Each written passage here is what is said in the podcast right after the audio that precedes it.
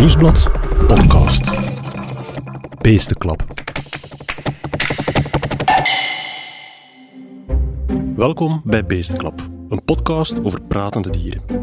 Want vogels zullen altijd fluiten en katten zullen altijd miauwen, maar wat willen ze ons eigenlijk vertellen? Vandaag hebben we het over de trouwste aller viervoeters, de hond.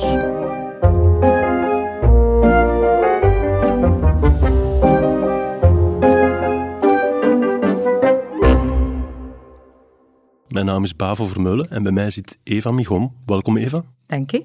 Jij bent eindredacteur van deze podcast. Normaal sta je aan de andere kant van dit gordijn en nu ben je zelf slachtoffer. Zit je tegenover mij. Inderdaad. Hier in de buurt van Mediahuis is een prachtige vijver. Ik heb u daar al eens zien wandelen met een hond. Maar ik ben vergeten wat merk. Het ras was een border collie. Een border collie. En hoe heet uw hond? Fly. Fly. En vertel eens wat meer. Ja, het is eigenlijk uh, het is een asielhond. Dus uh, ik heb hem geadopteerd toen hij een jaar en een half was. En Mhm. dat was eigenlijk niet de bedoeling. Dus ik was op weg naar het asiel voor een, een braaf uh, teefje, een rustig beestje, zachtaardig. Alles wat ik als checklist had over wat ik wou voor een hond. Mhm. En ik kwam toe aan dat asiel en daar was een zot beest aan het, aan het rondlopen en aan het blaffen en aan het doen. En ik dacht, ja, oké, okay, die is compleet geschift. Maar ik ging er toch eens naar gaan kijken. Mhm. En de, de persoon dat erbij was, de asielmedewerker, die zei nog... Oh ja, en het is, echt, het is eigenlijk echt een lieve hond en hij is zindelijk en zo. En op dat moment heeft hij zijn poot op tegen haar been. En die bleef daar super cool onder. Dus dat was echt... Ik was verkocht. Ik dacht, dit is zo een gek beest. Niemand anders gaat die willen. Ik pak die benen plasser mee naar huis. Inderdaad. En ik ga ervan uit, Fly is ondertussen niet meer de stoute asielhond die hij was. Nee, hij is de schattigste hond ter wereld. Hij gaat nu ook overal mee naartoe. Dus uh, hij is zelfs braaf in een museum of op restaurant. Hij is, uh, hij is eigenlijk mijn beste kameraad. Hij gaat overal mee. Daar zeg je wel iets heel belangrijks. Dat hoor je ook altijd. Uh, de hond, beste vriend van de mens. In de vorige podcast hebben we gehoord dat dat met katten totaal niet kan. Um, hoe zit het dan met honden? Klopt dat eigenlijk? Ja, ik was daar dus zelf ook niet goed van, van dat nieuws van die kat. Uh, dus ik ben dat ook gaan uitzoeken. Mm -hmm. En uh, ik kwam daar terecht bij Chris Dussochwe. Die, uh, die ken je waarschijnlijk wel, de presentator ja. van Dieren in Nesten. Maar die heeft ook een boek geschreven over hoe honden echt zijn. dus dat is een ideale mens om uit te vissen hoe dat zit met de hondentaal. Daarnaast ging ik ook uh, op bezoek bij mijn eigen dierenarts, Bart Stegen. Die zit al 28 jaar in het vak. Om uh, in de hoop eigenlijk dat die twee mannen mij konden vertellen dat Fly mijn vriend is en niet zomaar mijn onderdaan.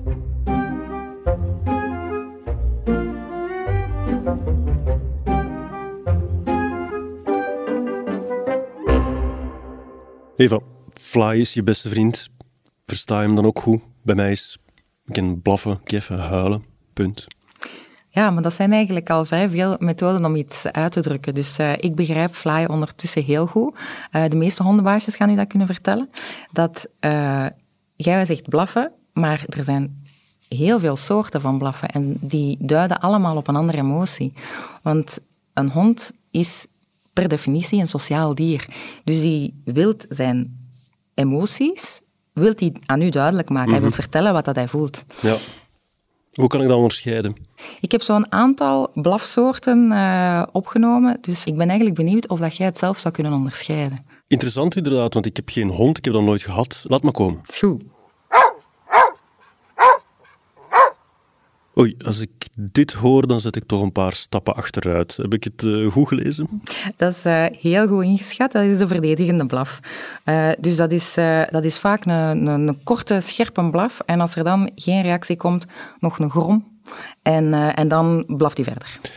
Is het eigenlijk slim om stappen achteruit te zetten? Want dat is toch ook het verhaal van waarom zoveel postbodes gebeten worden? Dat is omdat die altijd weggaan. Zodat de hond denkt dat hij de baas is en bijt altijd naar de persoon die wegloopt. Het is eigenlijk uh, het is niet de bedoeling dat je gaat gaan lopen. Want ik, uh, bij sommige honden, bij veel honden, kun je dan hun, uh, hun, hun jachtinstinct... Nog wat aanpoken. Ja, voilà. Zachtjes achteruit stappen. Voilà. Of blijven staan. Of blijven staan, maar dan, kunt je, dan maak je ook wel een statement natuurlijk. Dus dan zeg je ook van, Vinden ze ik ben dat uitdagend, van als ze zo blaffen en je blijft staan? En je blijft staan en je blijft strak naar hun kijken, dat geeft wel een boodschap. Dus dat is eigenlijk even erg als beginnen terugblaffen. Kan ik beter niet doen. Dat kun je zeker beter niet doen. Oké, laat het tweede maar horen.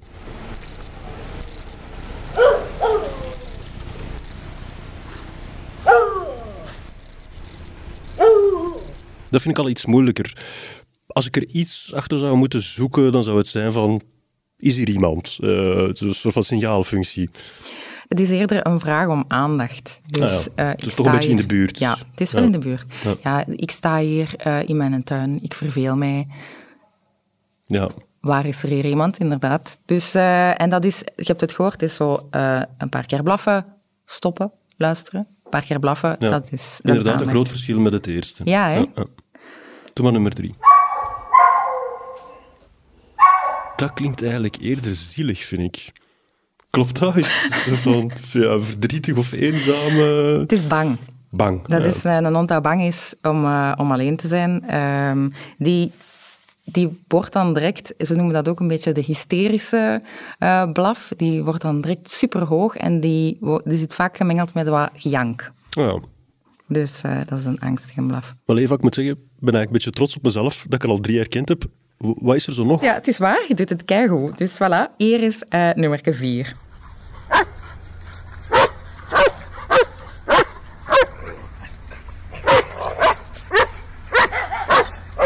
Mij lijkt het opnieuw dat dat dier niet op zijn gemak is. Klopt dat? Nee, eigenlijk is die net heel hard op zijn gemak. Uh, die, is, uh, die is heel blij en die wil dat op die manier tonen. En dat is het gewoon. Dat van, ik ben enthousiasme. blij. Enthousiasme. Ja, oké. Okay.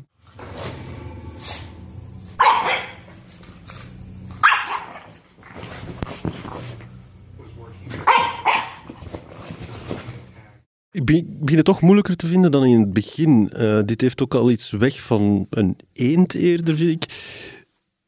Vertel het mij, ik weet het eigenlijk niet. Dat is een speelblaf. Dus nu heb je eigenlijk je uitnodiging gemist om met je hond te spelen. Oké, okay, dus dat is echt een goed signaal. Ja, maar het is wel belangrijk om te weten dat dit, is, dit zijn de grootste groepen van, uh, van redenen waarom dat een hond blaft.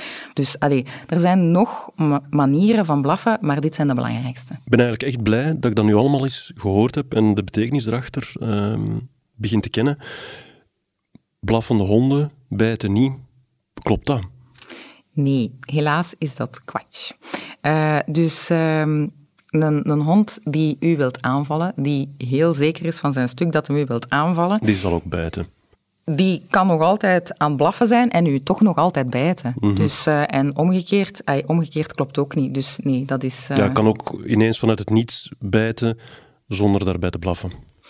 Uh, vanuit het niets gaat dat normaal gezien niet komen, tenzij dat hij echt een, een gedragsprobleem heeft. De meeste honden zijn eerlijk en geven een aantal signalen. Maar als je die mist, omdat je bijvoorbeeld een hond niet zo goed kent, dan kan dat wel lijken als wat uit niks komt. Dat gaat dan om non-verbale ja, dingen dan? Maar ik, ik, heb eigenlijk deze week net iets interessants gezien op, uh, op Instagram van een, uh, een, meisje en die heeft een kindje van een jaar of twee en een herder, een herdershond. Mm -hmm. um, en zat aan haar kleuter gezegd, oké, okay, uh, de hond heeft er genoeg van, die, uh, die laat dan op bepaalde manieren zien dat hij u niet meer in zijn buurt wilt. Die, had, die was hem al ergens anders gaan liggen, die was wat ineengekrompen.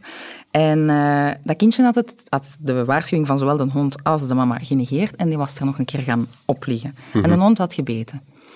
Maar dan kan je zo'n kind toch niet verwijten? Nee, dat kind kunnen dat zeker niet verwijten. Maar uh, Chris Dussochwe heeft er wel een heel duidelijk beeld over uh, wie dat er dan wel de schuld treft. Er zijn uh, duizenden bijtongevallen per jaar in, in dit land. de meeste daarvan worden niet gerapporteerd. Uh, als ze gerapporteerd worden, gaat het eigenlijk altijd wanneer het uh, uh, bijzonder ernstig is. Lees gebeurd is door een grote hond. Als een chihuahua een kind bijt, ja, dan zijn de gevolgen meestal niet zo ernstig. Uh, maar blijkt dus dat uh, uh, in meer dan 90% van de gevallen is het de huishond die bijt. En in de meeste gevallen zijn het kinderen die worden gebeten. En dat betekent inderdaad omdat kinderen niet op de signalen letten die honden geven. En honden spelen het eigenlijk, de meeste honden toch, spelen het meestal eerlijk. Ze geven een waarschuwing en soms geven ze een tweede waarschuwing. Soms geven ze een derde waarschuwing. En als het hen dan te veel is, dan bijten ze. Het is echt zaak van, je moet niet alleen je hond opvoeden, maar ook je kind om met een hond om te gaan. Dat is een beetje de bottom line. En je moet altijd aanwezig blijven.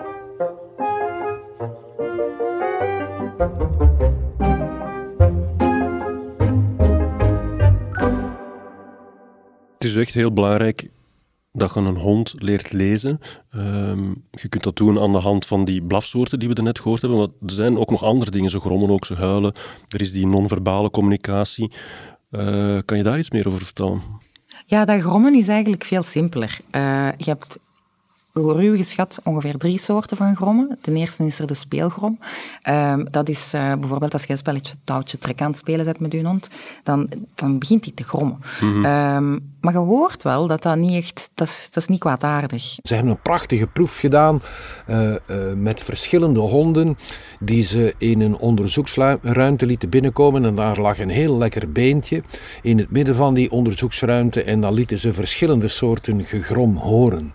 Uh, en als er een gegrom te horen was van een hond die duidelijk maakte van ik ga jou aanvallen, dan lieten de meeste honden dat beentje liggen waar het lag. Uh, als ze het gegrom lieten horen van een hondje dat uh, aan het touwtjes trekken was, dan, lieten de, dan trokken de meeste honden zich van dat gegrom helemaal niks aan. En gingen ze, uh, gingen ze dat beentje wel opeten. Dus je kunt ervan uitgaan dat honden dat soort gegrom allemaal goed kunnen interpreteren. Om het wat duidelijker te maken, even de vergelijking, zullen we ze achter elkaar zetten. De speelgrom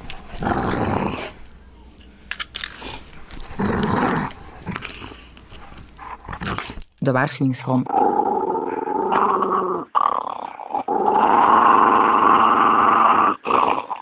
En de boze grom.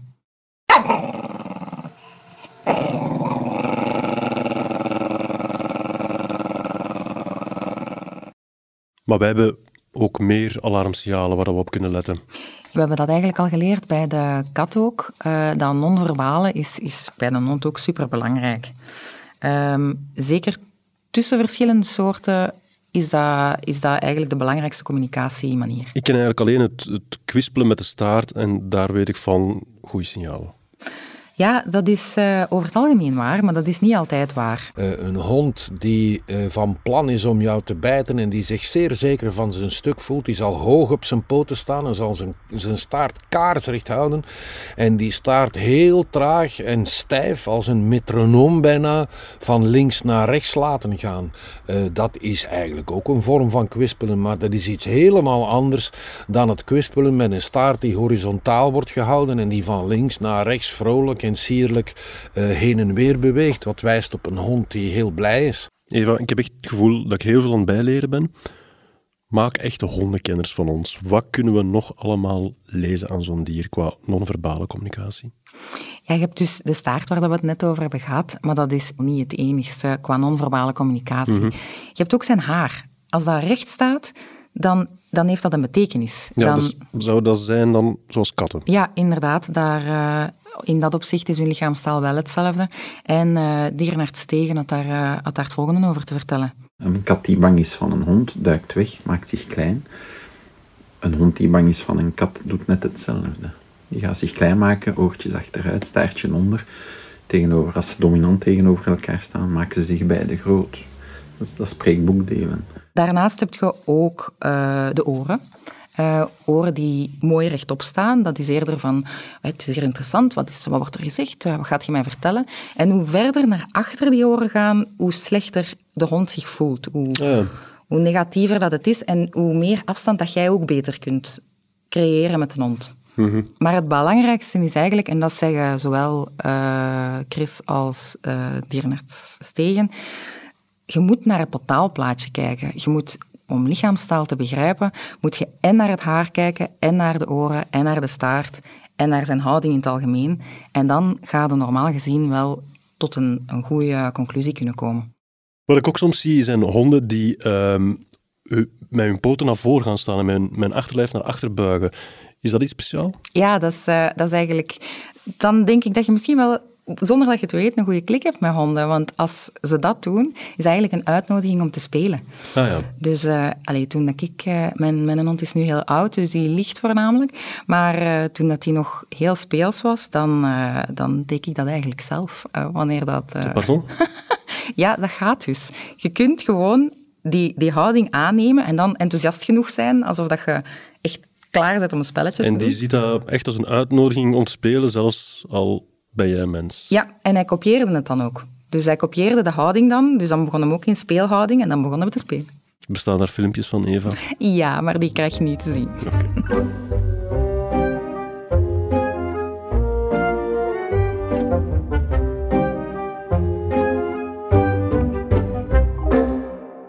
Eva, mag ik eens even iets helemaal anders vragen? Dat is eigenlijk iets dat ik al lang wou vragen. Helemaal terug naar het begin van de podcast. Je bent Fly gaan halen in het asiel en dan stond hij daar te plassen tegen de benen van een begeleider. Heeft hem dan ondertussen al afgeleerd? Dat zou wel heel tragisch zijn. Hij is ondertussen al 14 jaar bij mij. Uh, maar uh, gek genoeg heeft hij dat bij mij hij heeft nooit tegen mijn been geplast. Dus het moet iets geweest zijn op dat moment. Een van... echt stresssignaal in het asiel. Maar hij heeft dan ook nog wel overgegeven in uw auto. Ja, dat is waar, ja. ja. Maar hij heeft geen enkele keer in uw huis geplast of tegen uw benen? Wel, hij heeft deze week in mijn huis geplast. Um, maar dat is een ander verhaal. Uh, maar hij heeft nooit tegen mijn benen geplast. Um, was voor de rest wel moeilijk genoeg, maar uh, dat heeft hem nooit gedaan.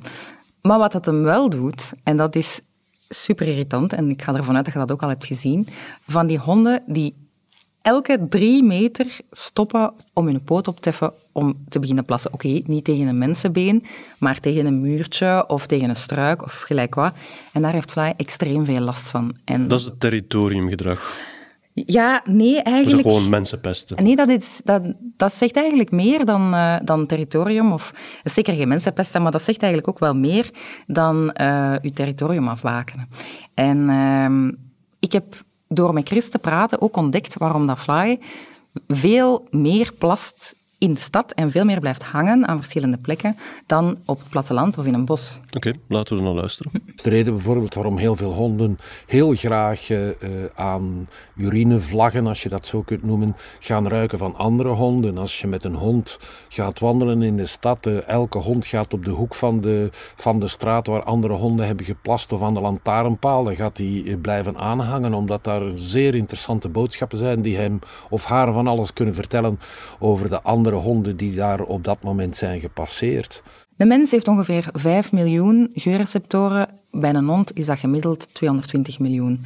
Dus uh, een mens heeft ongeveer 5% van hun hersenen die, uh, die bezig zijn met, uh, met, met, met, geuren. Bij een hond is dat 35%.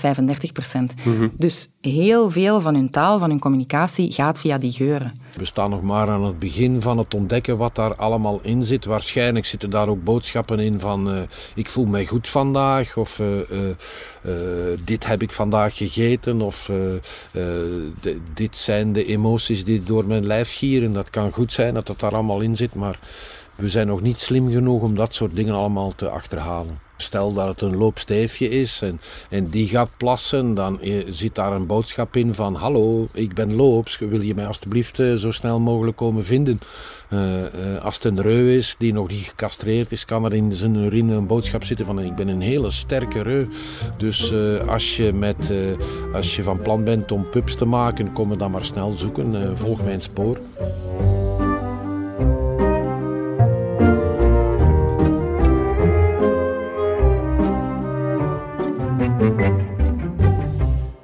Eva, ik moet eigenlijk altijd op mijn papieren kijken om te zien hoe dat hun hond nu weer heet. Kijk, nu weer. Spy Sky. Fly. Fly, fly. Kunnen we dan eigenlijk wel praten met dieren? Gaan ze verstaan wat we zeggen? Um, het is wel zo dat uh, de manier waarop dat je praat met een hond voor een hond heel veel verschil maakt. Dat, dat, dat hij daar wel degelijk veel van begrijpt, van wat dat jij wil zeggen. En wat bedoel je met de manier waarop je praat? Gaat het dan over intonatie en volume? Intonatie is superbelangrijk. Uh, mensen hebben de neiging om, um, om een soort van babytaaltje te gebruiken, wat, dat ze, ook, ja, wat dat ze doen bij baby's. Zo heel hoog en met eenvoudige begrippen. En... Zijn dan niet meestal alleen van die mensen die met zo'n kinderkarken met twee honden erin? Nee, ik doe dat ook. En wat vertel je dan tegen Fly? Keigoed. Uh, ja, nee, mijn, mijn manier van praten tegen hem is, is gewoon heel hoog en heel eenvoudig. Ah, Flyken, hoe gaat het? Allee, dat is zo belachelijk hoog. Als ik mijn eigen hoor op filmpjes, dan denk ik altijd, Eva, stop daarmee. En ik ben dat dan ook gaan vragen aan uh, Chris. En blijkt dat dat ook totaal geen zin heeft. De meeste mensen uh, spreken uh, moederrace, heet dat. Uh, niet alleen tegen hun kinderen, maar ook tegen hun katten en tegen hun vogeltjes en tegen hun honden. hoe je uiteindelijk met die hond praat, daar zal die hond wel het absoluut niet om malen. Of dat je dat nu met een hoog stemmetje doet of met je normale stem, dat, dat zal er beest weinig uitmaken. Nee, wat is duidelijk, dat hoge stemmetje van jou, dat leidt nergens toe. Hoe moet het wel? Ja, door gewoon duidelijk te zijn. Dus het, het, dat is dan iets dat ik dan wel goed doe. Um, je moet, honden zijn, zijn, zijn zo gefocust op hun mens. Veel, ah, ze zijn eigenlijk meer gefocust op hun mens dan op hun soortgenoten, wat dat heel, wat dat heel speciaal is. En uh, ze zijn perfect in staat om door te hebben wat dat jij bedoelt aan de hand van je intonatie. Dus steeds op een hoge toon, dus die babytalk, heeft weinig zin, maar in je intonatie leggen van ik bedoel dit, ik ben boos, nu ben ik zeer ernstig, dat heeft wel heel veel effect. Het heeft geen enkele zin om dan, om dan te willen sarcastisch doen of zo tegen, tegen uw hond, want zo dat slim zijn ze niet. niet. Zo slim zijn ze niet. Is het dan eigenlijk ook nodig om, om uw stem te verheffen? Ja, bij een bevel kunnen best roepen. Mensen hebben die neiging, maar eigenlijk is dat niet nodig. Um, wat dat je daarmee duidelijk maakt, is wat dat, ik denk dat nog wel overeenkomt met hoe dat, dat bij kinderen gaat. Daarmee geef je de boodschap, uh, ik ben geen uitgebalanceerde leider.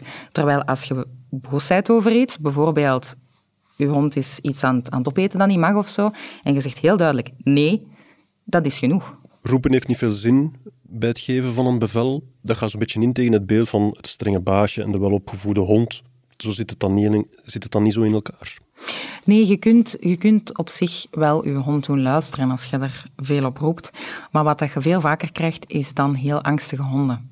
En angstige honden zijn gevaarlijk. Want het is veel vaker dat honden gaan zich slecht gedragen of gaan, gaan agressief worden. Als je er de meester over speelt. Uit angst gewoon. En dat kan dan een van de redenen zijn waarom dat ze angstig zijn. Als ik het goed begrijp, is het belangrijk dat je eerder naast je hond staat dan erboven staat. Zoals het cliché wil, man's best friend. Maar het is eigenlijk, je kunt het eigenlijk vergelijken als we dan teruggaan uh, naar, als we toch eens gaan terugkijken naar de voorouder van de, uh, van de hond, de wolf. Uh, hoe dat die zijn groep in elkaar zit, dat is de mama en de papa. En die be begeleiden de kinderen. Dus die geven wel leiding, die geven wel een structuur. Maar die zijn, dat zijn geen tirannen. Die, en wat heeft dat te maken met, de relatie, met onze relatie met honden? Ah, wel, honden zien ons eigenlijk als een soort, of hun, hun, baasjes zien die eigenlijk als een soort van ouders. Dus in zekere zin zijn wij hun groep dan zien we dat het gezag van, die, uh, uh, van, die, van het ouderpaar, uh, dat aan het hoofd staat van die roedel, dat is een normaal gezag, een natuurlijk gezag, dat bij alle diersoorten bestaat. Zelfs bij mensen bestaat.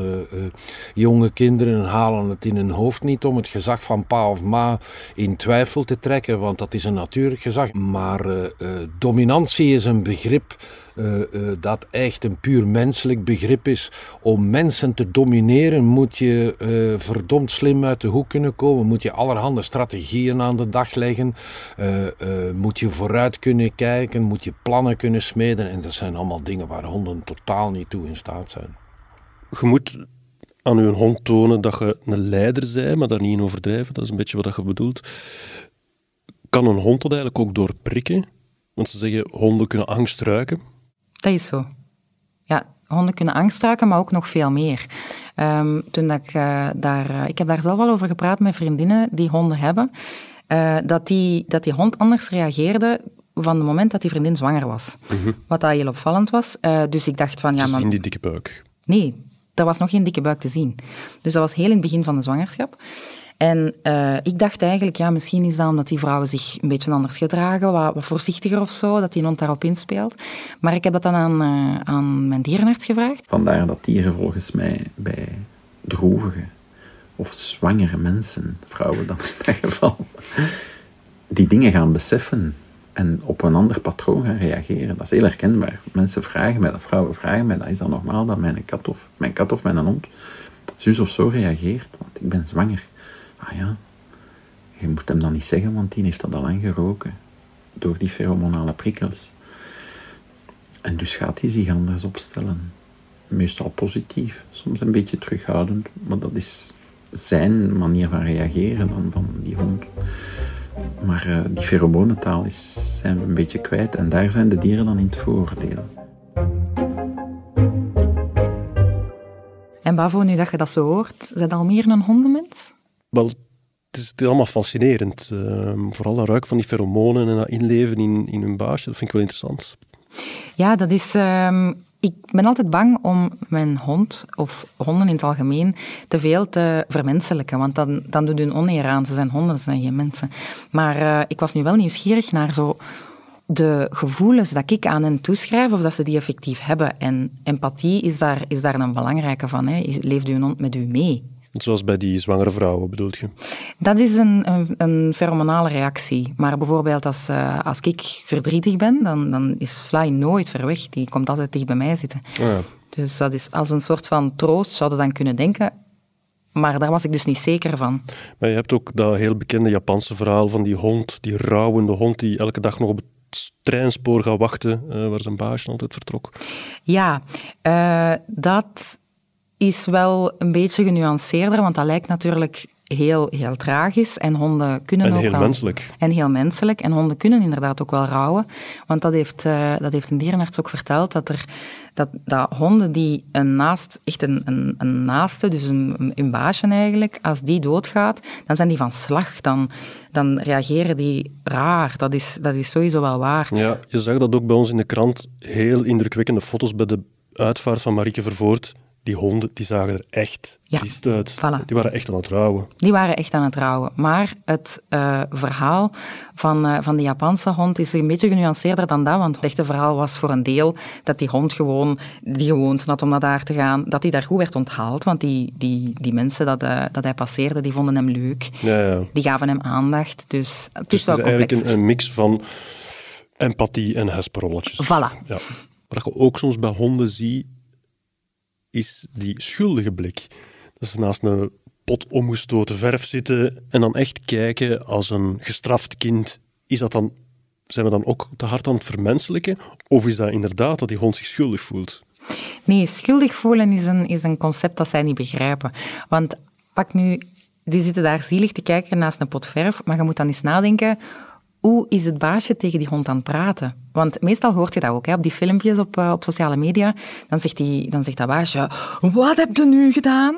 En, en, dan komt die blik. En dan komt die blik, want die hond snapt niet waarom, ten eerste, waarom dat jij ineens boos wordt, maar ook, die linkt al helemaal niet met die pot verf, want die heeft die al een tijdje geleden omgestoten en voor hem was dat gewoon iets heel positiefs, dat was tof. Dat, maar dan, heeft, dan is het toch, toch een beetje schuldgevoel als hij reageert op uw boosheid? Of is het gewoon, we interpreteren het fout? We interpreteren het fout. Omdat hij is bang. Hij is bang van uw reactie, van dat hij een veeg uit de pan gaat krijgen. En dan krijgt hij van die droepie ogen. Ja.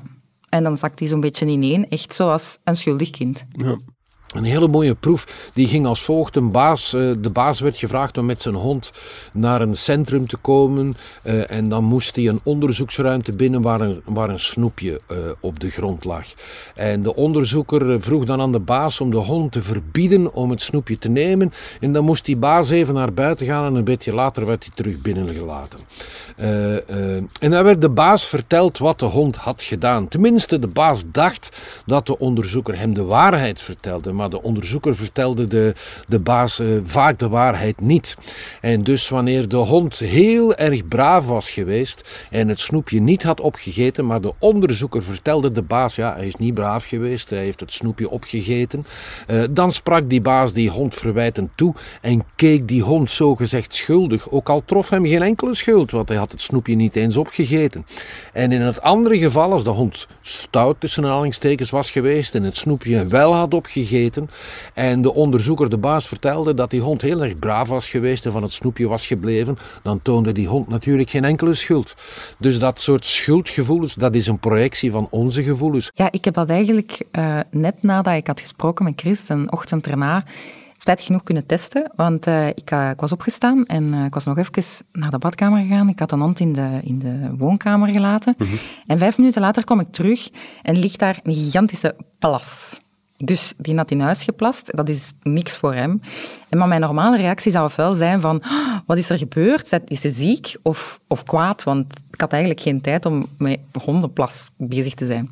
En, maar ik dacht dan, oké, ja, ik ga, ik ga het dan toch eens proberen. Ik ga gewoon doen alsof dat niet gebeurd is en ervan uitgaan dat hij niet meer weet dat hij dat heeft gedaan. En uh, ik ging dan gewoon naar de keuken. Ik, ben, ik heb dat natuurlijk opgekuist. Maar Fly reageerde gewoon alsof er niks gebeurd was. Die begon te kwispelen. Dus dat, dat is ook echt wel zo. Ja, het vermoeden is, als je dan met opgeven vinger er had gestaan, dat hem dan die oogjes had getrokken. Ja. ja. Zijn er nog andere, laten we ze toch maar menselijke gevoelens noemen, die honden oprecht wel hebben? Ja, jaloezie. Hè. Dat, is, uh, dat is ook wel echt iets van een hond. Maar niet op de manier dat mensen dat vaak doen. Met, dat, dat, dat dan nog ik weet niet hoe lang blijft doorwerken. En dat je, dat je de avond nadat je lief heeft staan flirten s'avonds nog zegt van, zeg, wat was dat hier?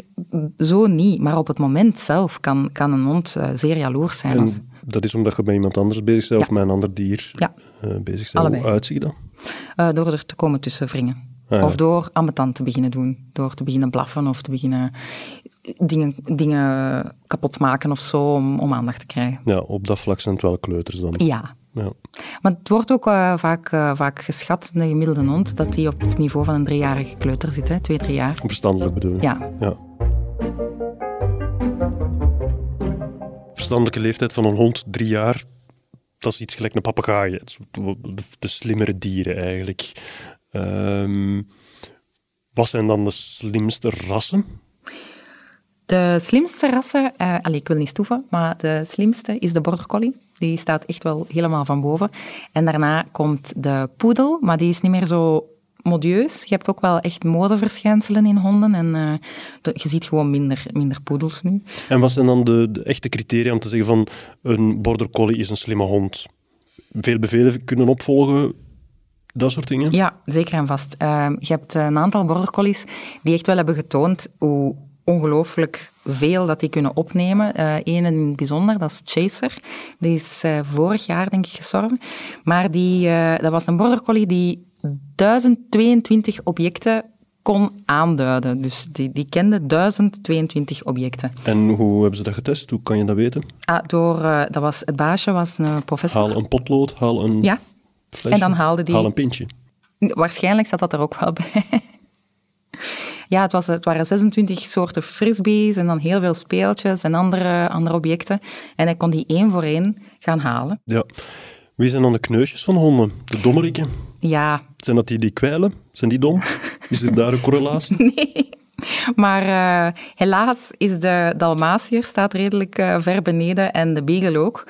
Maar de Dalmatier is, is over het algemeen wel een beetje verkeerd begrepen ook. Want allee, voor de hond... Maar dat zijn honden die dan ook uh, moeilijk op te voeden en te trainen zijn. Ja. Omdat, ik weet niet ik weet niet hoe honden-analfabeet je bent of hoe Disney-analfabeet, maar een Dalmatier is wit met zwarte stippen. Mm -hmm. En wel, uh, witte honden zijn vaker doof. Dus die kunnen het gewoon niet horen als je een bevel geeft. Dus er is een genetische link tussen de kleur van de vacht mm -hmm. en de hoorcapaciteiten. Ja. De, de dierenarts uh, die gaf, uh, die gaf ook wel het voorbeeld van de katten, waar dat blijkbaar nog uh, vaker voorkomt. Witte katten met blauwe ogen, die zijn heel vaak gewoon potdoof. Ah ja. Maar, maar bij honden dus ook. En daarom zijn Dalmatiërs moeilijker te trainen. Ja. ja. Omdat die, ik denk ook voor een deel verkeerd begrepen zijn. Eva, heel even terug naar daarnet, met al uw gestoef over die border collies. Waarom zijn dat dan geen politiehonden? Ja, dat vroeg ik me eigenlijk ook af. Ik dacht, ik dacht eigenlijk uh, zelf dat het ging zijn, omdat dat, dat zijn meestal Mechelse dat zijn bijna altijd Mechelse herders. Politiehonden. Politiehonden. Uh, en ik dacht dat dat was omdat die stoerder zijn. Een border collie, ik heb dat zelf ook al gemerkt, iedereen vindt dat schattig. Dus ja, ja. dat is niet zo griezelig voor... voor... Lastig op boeven jagen met zo'n schattig Ja. dier, dacht je. Dacht ik. Maar uh, ik heb dat dan aan de dierenarts gevraagd en dat bleek dan toch nog een andere reden te hebben. En dat is dat Mechelse herders ongelooflijk trouw zijn. Allee, alle honden zijn trouw, hè. dat is wat al gaan zijn tijd zeggen. Die zijn zo gefocust op hun mensen. Die zijn niet noodzakelijk de slimste, maar zullen altijd bij hun agent blijven. Ja. En echt tot het bittere eind. Dus op een bepaald moment hebben bij de meeste honden wel een... Als er een heel groot een conflict is, gaan die op een bepaald moment even aarzelen. Normaal gezien, wat dat een heel normale reactie is.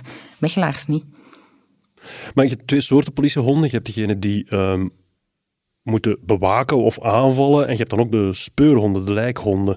Dat zijn dan geen herders. Nee, dat, kan, uh, dat kunnen verschillende rassen zijn. En uh, dat is natuurlijk dat is ook een, een vorm van slimmigheid. Hè. Die, zijn, die zijn ook heel, heel goed, bijvoorbeeld die honden die... Ja, je hebt bommen, maar je hebt... Drugs. Drugs, ze kunnen van alles ruiken. Maar dat is eigenlijk het versterken van iets, van een instinct dat ze al hadden. Mm -hmm. Dus ze zijn, zoals dat we zeiden, heel goed in, in geuren opsporen. En daar wordt dan één, ze worden dan opgeleid voor één bepaalde specifieke geur. En de chihuahua, waar is die goed in? In een chacoshit. Oké, okay, Eva, maar we moeten wel opletten dat we niet alle hondenliefhebbers wegjagen met dat soort opmerkingen. Dus ik stel voor dat we overgaan naar het allerlaatste deel van de podcast.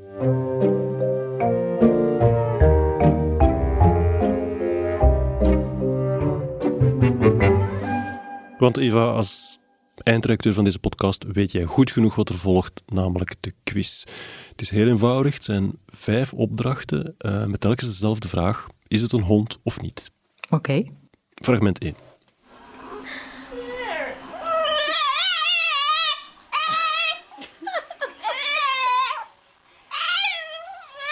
Dat is een baby of zo. Wel, dat dachten we inderdaad dat je ging zeggen, maar dit is dus een hond. het is een soort mopshond die ze hebben getraind of die zichzelf heeft aangeleerd om een baby te imiteren. Maar je ziet ook in het YouTube-filmpje dat hij daar een cadeautje voor krijgt. Dus het doet wel echt heel hard zijn best. Ah ja. Fragment nummer 2.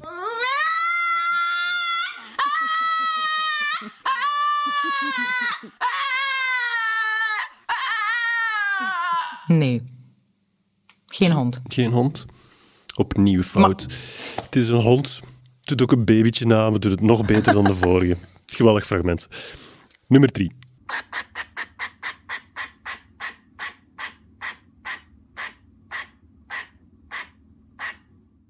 Mij doet het een beetje denken aan de speelblaf van daarnet. Beetje tussen eend en hond. ik wil juist zeggen, ik denk dat dat een vogel is die een hond nadoet. Bijna, maar het is wel juist geen hond, maar het is een eekhoorn. Een blaffende eekhoorn bestaat blijkbaar. Fantastisch. Gekke wereld. Fragment nummer 4.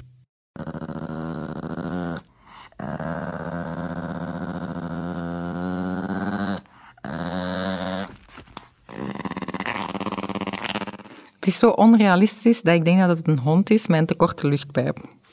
Wel, Eva, het internet is werkelijk een oneindig vat van onzin. Dit is een hond die een motorfiets nadoet. Eva, 2 op 4. Dit is de mogelijke eerredder, fragment nummer 5.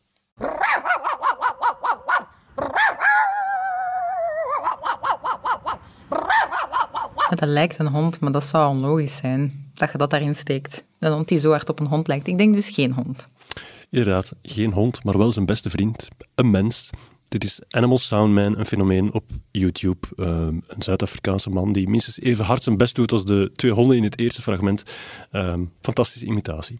Zalig, oké. Okay. Drie op vijf. Eergered, ja, dank u wel. gedaan, maar ik denk dat ik vooral degene ben die veel bijgeleerd heeft vandaag. Oké, okay, Bedankt fijn. Eva. Dag. Dag.